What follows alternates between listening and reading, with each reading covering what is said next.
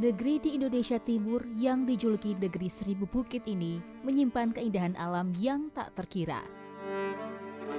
Kaya akan hasil bumi dan seni budaya. Inilah Pulau Sumba.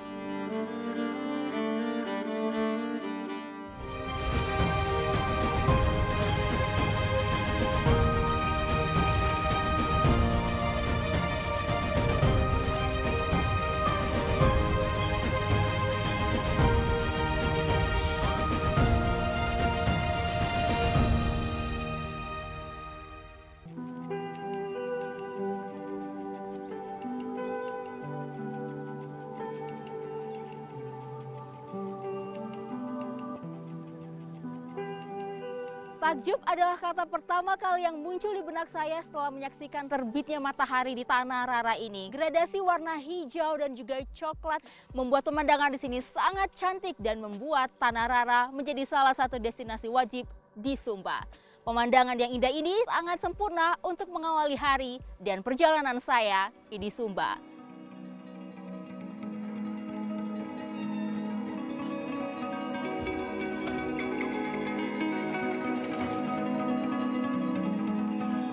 Sumba merupakan salah satu pulau di Provinsi Nusa Tenggara Timur atau NTT. Sumba terdiri atas empat kabupaten kota, yaitu Sumba Timur, Sumba Tengah, Sumba Barat, dan Sumba Barat Daya. Keindahan alam Sumba sudah terkenal hingga ke luar negeri. Wisatawan lokal dan mancanegara menjadikan Sumba sebagai salah satu destinasi wajib untuk mengisi liburan. Sejumlah resor mewah berstandar internasional pun siap memanjakan para turis.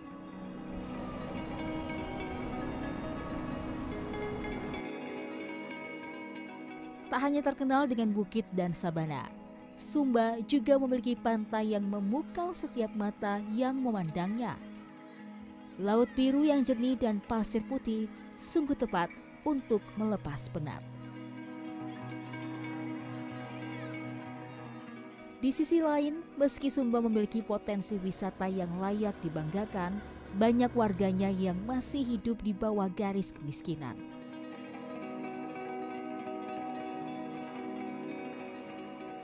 Berdasarkan data Badan Pusat Statistik, pada September 2021, Provinsi NTT merupakan daerah ketiga termiskin di Indonesia setelah Papua dan Papua Barat dengan presentasi penduduk miskin hampir 21 persen. Di tingkat kabupaten kota, empat kabupaten di Sumba masuk dalam lima kabupaten kota termiskin di NTT. Jumlah penduduk miskin terbanyak berada di Sumba Tengah, diikuti Kabupaten Saburai Jua, Sumba Timur, Sumba Barat, dan Sumba Barat Daya. Sebagian besar warga Sumba merupakan petani dan peternak. Panen padi yang hanya satu hingga dua kali setahun membuat warga harus memutar otak untuk mencukupi kebutuhan. Data dari BPS NTT menunjukkan produk domestik regional bruto atau PDRB per kapita di Sumba Barat pada 2021 hanya sekitar 16 juta rupiah per tahun atau kurang dari satu setengah juta rupiah per bulan. Seorang warga Sumba Barat, Marten Gailu Marak, memilih berjualan ikan untuk memenuhi kebutuhan sehari-hari saat tidak bertani. Ini jual ikan berapa? Kumpulnya sepuluh ribu. Sepuluh ribu. Kalau Om memang kerja uh, pelaut kah atau apa untuk kerja? Ada kunci tempat kerjanya. Nah, bagian pertanian dan juga bagian perikanan. Oh berarti kalau misalnya lagi tidak bertani Lagi jual-jual ini ya. Iya. Om kalau um, di sini nih Om kalau di Sumba itu kan masuk uh, di daerah ketiga termiskin di Indonesia. Iya. Nah kalau pendapatnya Om bagaimana? Bagaimana warga uh, Om sebagai warga Sumba apakah memang sesusah itu warga Sumba? Om? Ya, memang ada susah, susah kita di Indonesia. Karena kesusahannya di sini ada dua faktor yang menyebabkan kesusahannya kita. Apa itu Om? Faktor kesusahannya kita adalah ya bagian adat di sini. Itu yang pertama ya. Itu yang pertama. Yang kedua yang kedua apa? itu yang cara penghasilannya itu yang paling minim. Itu satu kali panen biasa Om dapat berapa? Kalau pertaniannya bagian mungkin hanya selama tiga bulan di situ selama mungkin hanya dapat dua ton saja. Dua ton itu berapa biasa Om? biasanya itu kalau dua ton itu paling banyak kalau diperuangkan ya sekitar 5 juta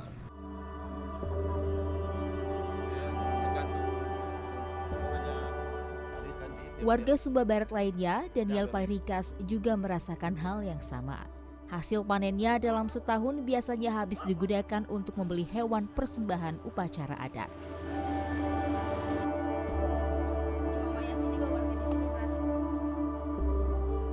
Di sini apa apa yang bikin susah? Di sini Di sini biasanya tradisi. Adat ya. Ada. adat sedikit-sedikit adat sih. adat. Yang bapak bapak korbankan waktu itu bapak bayar bapak kasih ke mereka berapa juta? Sekitar 30 juta. 30 juta. Berarti dua kali panen langsung habis. Iya, Berarti dua kali panen langsung habis. habis toh? ini untuk setahun ini.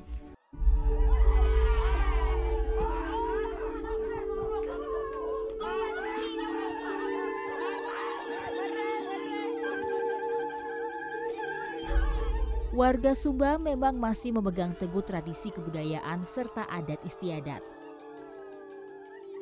Hampir semua upacara adat mulai dari pernikahan, ucapan syukur hingga kematian menggunakan hewan sebagai korban persembahan kepada leluhur dan sang pencipta.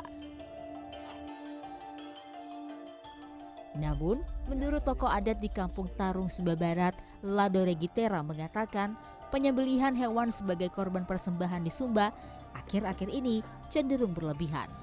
Kebanyakan warga memotong hewan persembahan karena alasan gengsi atau ingin menunjukkan status sosial.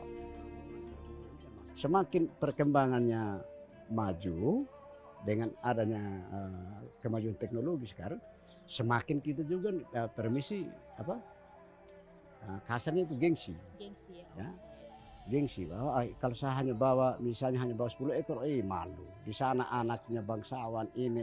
Kalau saya sebenarnya tidak tidak seperti itu. Hanya makanya kembali tadi saya bilang Bu dari kita manusia dan masyarakat itu bagaimana kita menyadari ini? Kalau tidak menyadari sama saja. Nanti semakin mungkin lima tahun yang akan datang lebih lebih lebih parah lagi dari sekarang ini. Berbeda dengan pengakuan warga, menurut Bupati Sumba Barat, di Sumba tidak ada warga yang hidup dalam kemiskinan ekstrim.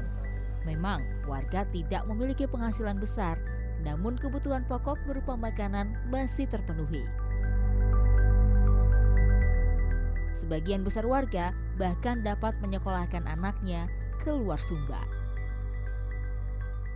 Kalau warga saya kan mau bilang juga kemiskinan terlalu ekstrim juga tidak juga. Miskin miskin betul. Tapi mereka masih makan tiga kali. Anak-anak mereka juga masih di seko- bersekolah. Nah, cuma terkait dengan pendapatan ya kalau per rupiah ya di luar hasil pertanian mereka kan hasil pertanian untuk konsumsi mereka untuk hidup mereka. Nah, ya tentu pendapatan mereka kecil itu. Ya, hasil itu mereka nabung untuk mereka sekolahkan anak-anak sehingga cukup banyak anak-anak yang sekolah ke luar daerah ini baik ke Jawa, ke Bali, juga ke Kupang maupun yang ada di Sumba ini.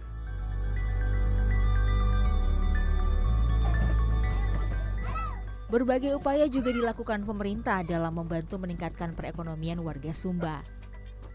Mulai dari mendukung kampung adat menjadi kampung wisata, memberikan pelatihan keterampilan bagi para warga, hingga pemanfaatan lahan. Ya pertama tentu kita manfaatkan itu lahan-lahan potensial lah. bekerja sama dengan lintas sektor ya, dinas pertanian dan dinas-dinas terkait lain, Bapeda semua kami turun. Kita manfaatkan ini lahan-lahan tidur karena sekian ribu nih, puluhan ribu hektar lahan yang belum terjamah. Nah, kita upayakan untuk dimanfaatkan baik untuk tanaman palawija maupun tanaman hortikultura dalam rangka peningkatan pendapatan masyarakat setempat. Nah, dan juga kita tata ini tempat-tempat wisata itu ya terutama kampung-kampung situs. Orang Sumba terkenal sebagai pekerja keras. Ribuan hektar lahan pertanian yang berlimpah dari Sang Pencipta menjadi anugerah tersendiri bagi warga Sumba. Tak mengherankan jika Sumba ditetapkan menjadi salah satu lumbung pangan Indonesia.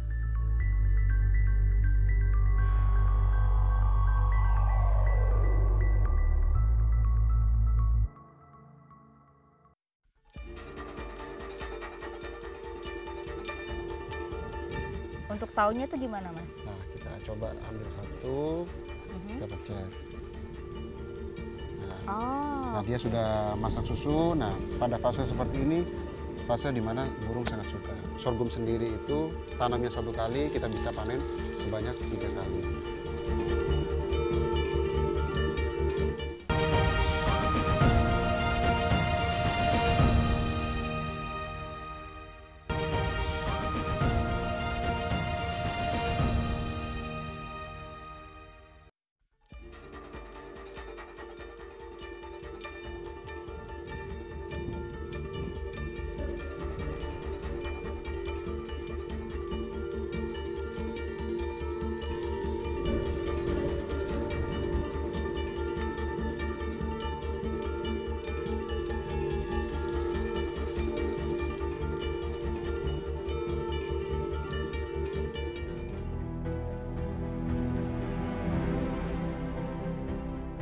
Segarnya warna hijau tak hanya bisa dinikmati di padang savana. Sumba juga memiliki ribuan hektar lahan pertanian. Berdasarkan data BPS pada 2022, total luas lahan panen padi di empat kabupaten Sumba mencapai 43.276 hektar.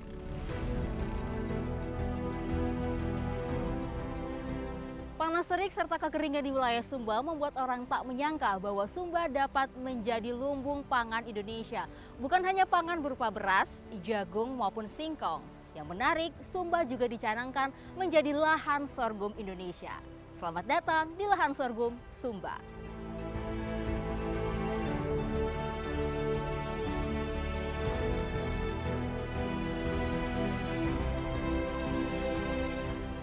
Sorghum atau yang lebih dikenal dengan sebutan jagung rote oleh warga Sumba kini menjadi harapan bagi Indonesia untuk menghadapi ancaman krisis pangan global. Setelah uji tanam seluas 60 hektar pada awal 2022 dinilai berhasil, Presiden Joko Widodo dalam kunjungannya ke Sumba pada Juni 2022 mengatakan akan menjadikan Sumba sebagai salah satu lahan sorghum Indonesia. Menurut Eben HR Hagu, Kepala Bidang Tanaman Pangan dan Hortikultura Dinas Pertanian Sumba Timur, pemerintah menargetkan sebanyak 547 hektar lahan akan ditanam sorghum pada tahun ini untuk dijadikan bibit.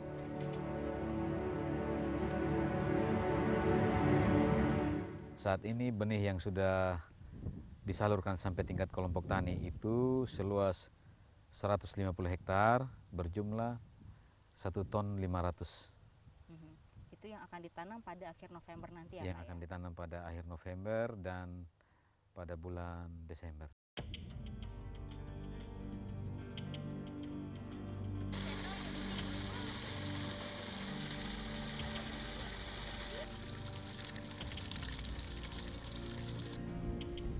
Tanaman sorghum bukanlah hal yang baru di Sumba. Sejak dulu kala, warga Sumba selalu menjadikan sorghum sebagai bahan pangan cadangan. Karakteristik tanaman sorghum yang hanya membutuhkan banyak air di awal masa penanaman juga sangat cocok dengan kondisi kering di Sumba. Nah, sejak beberapa generasi sebelumnya ah, itu memang petani sudah menanam sorghum.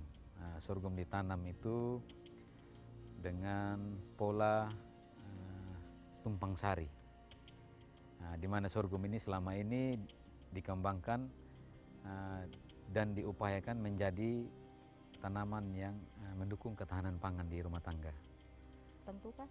Memang hasil penelitian dan literatur yang kami baca, memang sorghum ini karakteristiknya tahan sekali terhadap kering. Tak hanya menjadi alternatif untuk keluar dari ancaman krisis pangan, sorghum juga menjadi angin segar bagi pendapatan para petani di Sumba. Harga sorghum dua kali lipat harga beras pada umumnya. Kalau saya lihat ini dia bisa lebih tinggi dari beras karena ini untuk pembibitan tahun depan lagi. Karena saya serius tanam ini kalau pelayanan airnya cukup. Lebih fokus di ini lagi nanti. Karena baru dicoba ini sedikit dia subur sekali. Jadi ada harapan ya Pak ya. Nah, ada harapannya untuk panen yang bagus.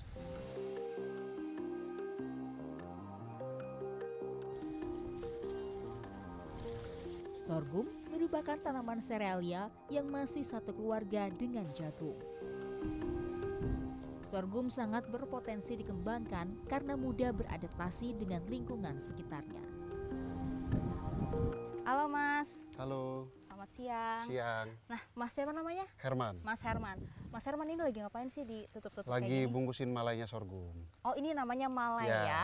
Nah, ini usianya sudah berapa eh, hari, Mas? Di kisaran 75 sampai 80 hari setelah tanam. Oke, baik. Nah, ini kenapa eh, dibungkus, Mas? Nah, pada saat fase pengisian bulir ini kita harus amankan bijinya dari serangan hama burung. Mm-mm. Untuk mengurangi itu karena kita bungkus akhirnya.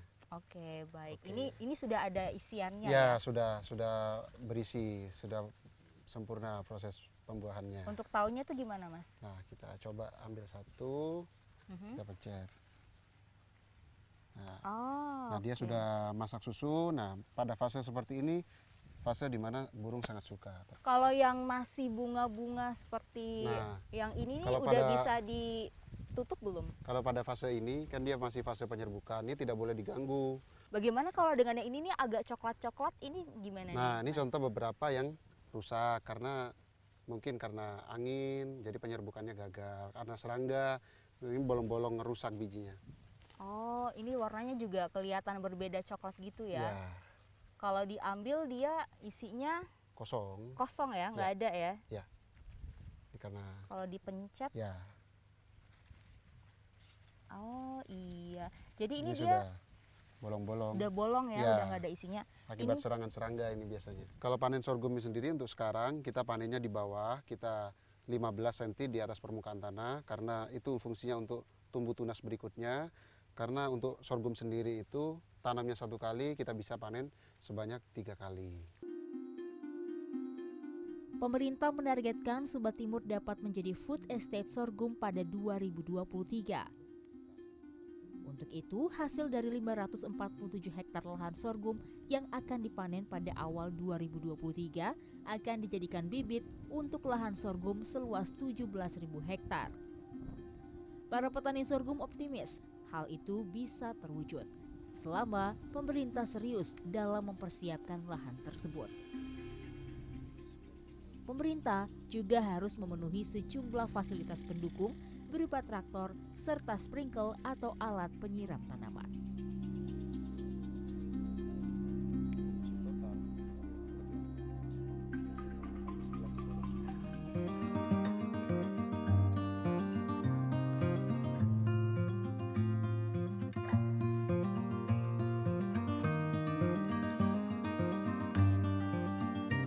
nasi bakarnya udah jadi.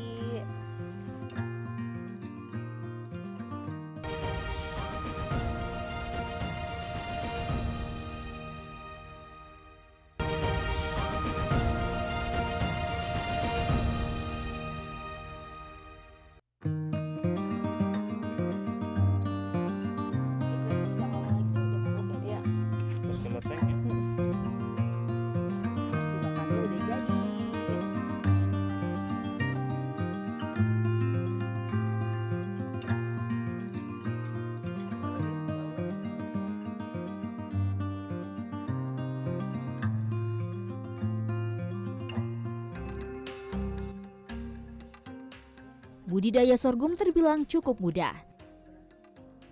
Selain untuk pangan, sorghum juga memiliki manfaat lain. Setelah dipetik dari malai dan berubah warna menjadi oranye kecoklatan, sorghum pun siap diolah. Jadi setelah dipanen di lahan, eh, dipotong malainya dan untuk merontokkan kita pakai mesin perontok yang memisahkan malai dan eh, biji sorghum. Nah dari itu kita ke mesin pembersih. Mesin pembersih ini eh, tujuannya untuk membersihkan biji sorghum dengan eh, sampah-sampah yang masih ada dari mesin perontok. Nah, ketika kita mendapatkan eh, biji sorghum yang sudah bersih, kita melakukan eh, apa penyesohan terhadap Penyesohan. eh, benih sorghum Mm-mm. untuk mendapatkan berasnya. berasnya kita pakai mesin penyosoi ini. Ini dimasukkan dari atas ini ya? Iya, betul. Setelah itu kita uh, ke mesin untuk membuat menirnya. Mm-hmm. Itu juga sebenarnya untuk penepungan tapi belum terlalu halus. Dan untuk lebih halusnya kita pakai mesin penepung yang ada mesnya.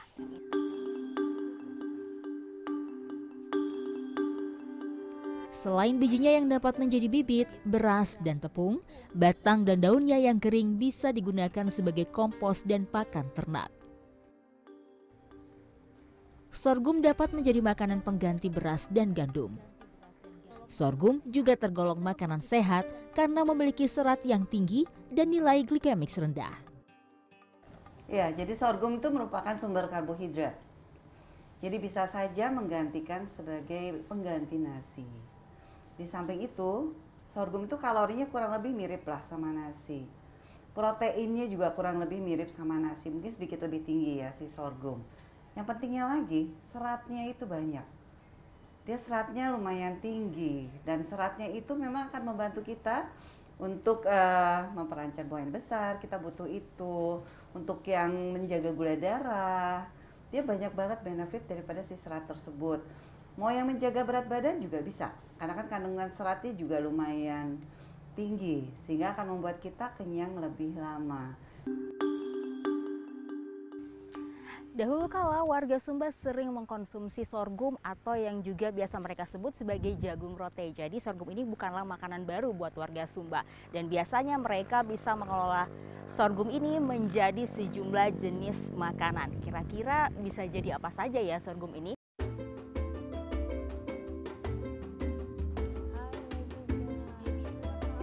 Debbie adalah salah satu warga yang membudidayakan sorghum di Sumba Timur. Selain memiliki lahan sorghum, ia juga mengolah sorghum untuk menjadi beberapa jenis makanan. Kalau sorghum ini sebenarnya tidak terlalu susah, jadi dia bisa uh, masak kita kombinasi dengan apa aja semuanya bisa. Dia kan uh, hampir sama kayak jagung juga gitu bu. Mm-hmm. Kebetulan yang ini nanti mau dimasak uh, satunya itu bubur tapi pakai uh, kelor Terus gitu juga kita bikin nasi sorghum, tapi nanti kita bikin nasi bakar sorghum. Kita wow. coba nanti.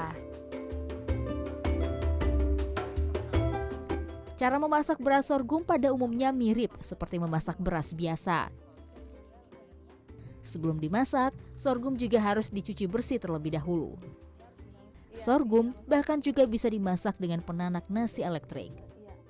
Perbedaannya, sorghum membutuhkan air lebih banyak dibandingkan beras. Karena rasanya yang mirip seperti nasi, sorghum cocok dipadukan dengan lauk apa saja. Biasanya warga Sumba menyantapnya dengan sayur santan sebagai lauk. Sementara untuk bubur biasanya dicampur dengan daun kelor. Khusus untuk nasi bakar, nasi yang digunakan sebelumnya dimasak terlebih dahulu, baru dicampur dengan lauk yang diinginkan. Warga Sumba biasanya menambahkan daun kemangi untuk membuat aroma nasi bakar semakin harum.